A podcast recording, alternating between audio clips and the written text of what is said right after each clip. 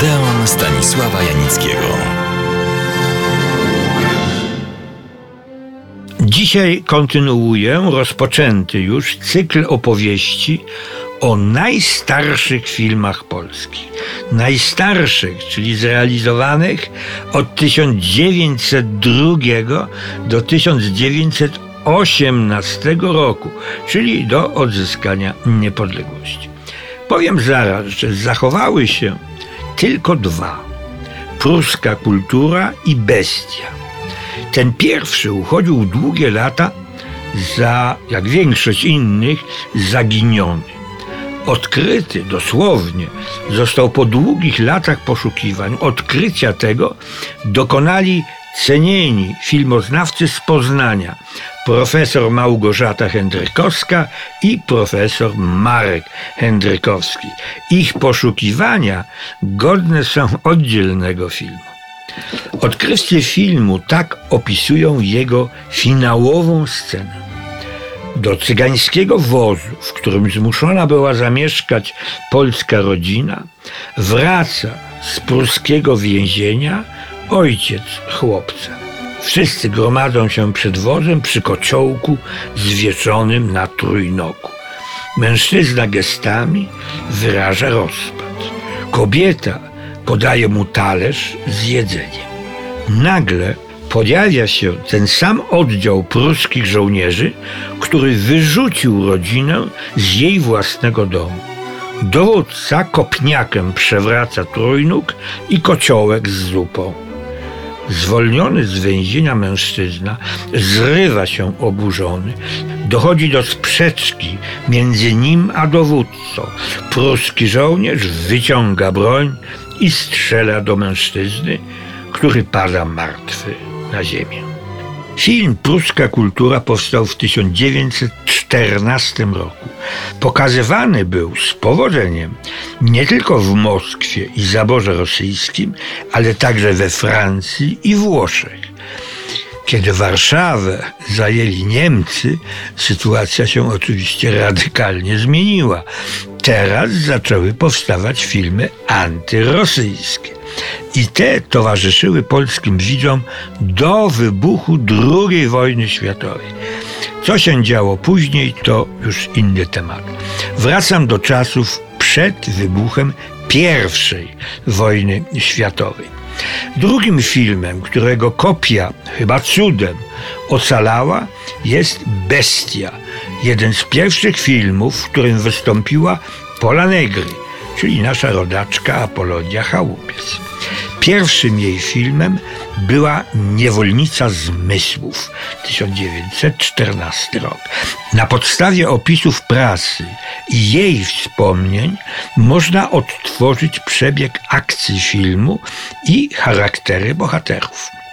Pola Negri gra tu biedną, ale piękną dziewczynę, córkę ślusarza. Jako tancerka odnosi wielkie sukcesy na scenie.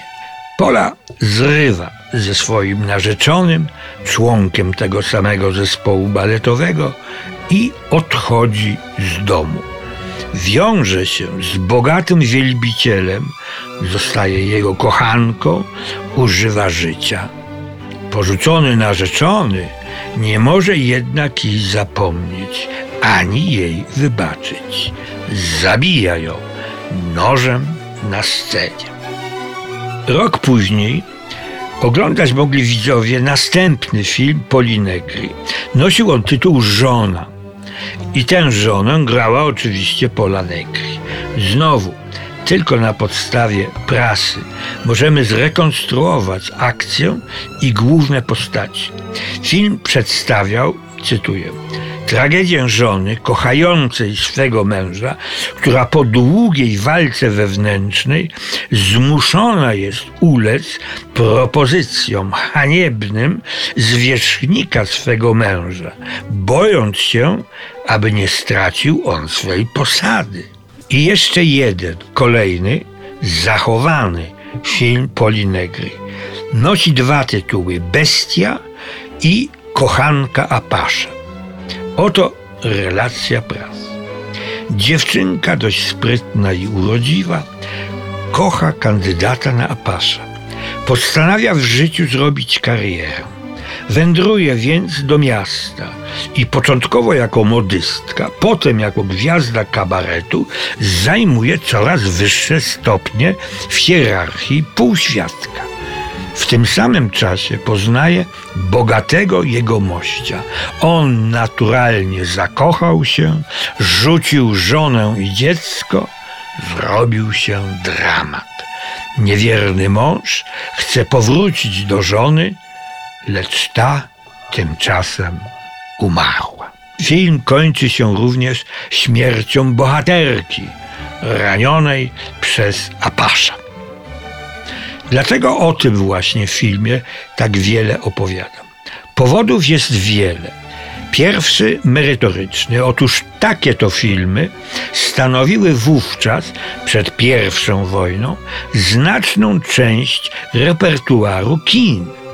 Drugi powód, ponieważ główną rolę gra Pola Negry. A trzeci powód, ponieważ możecie Państwo ten unikalny film obejrzeć. Gdzie? W specjalnych kanałach telewizyjnych. Nie mogę nic więcej powiedzieć, bo zostanę oskarżony, a oto dziś bardzo łatwo, o kryptoreklamę.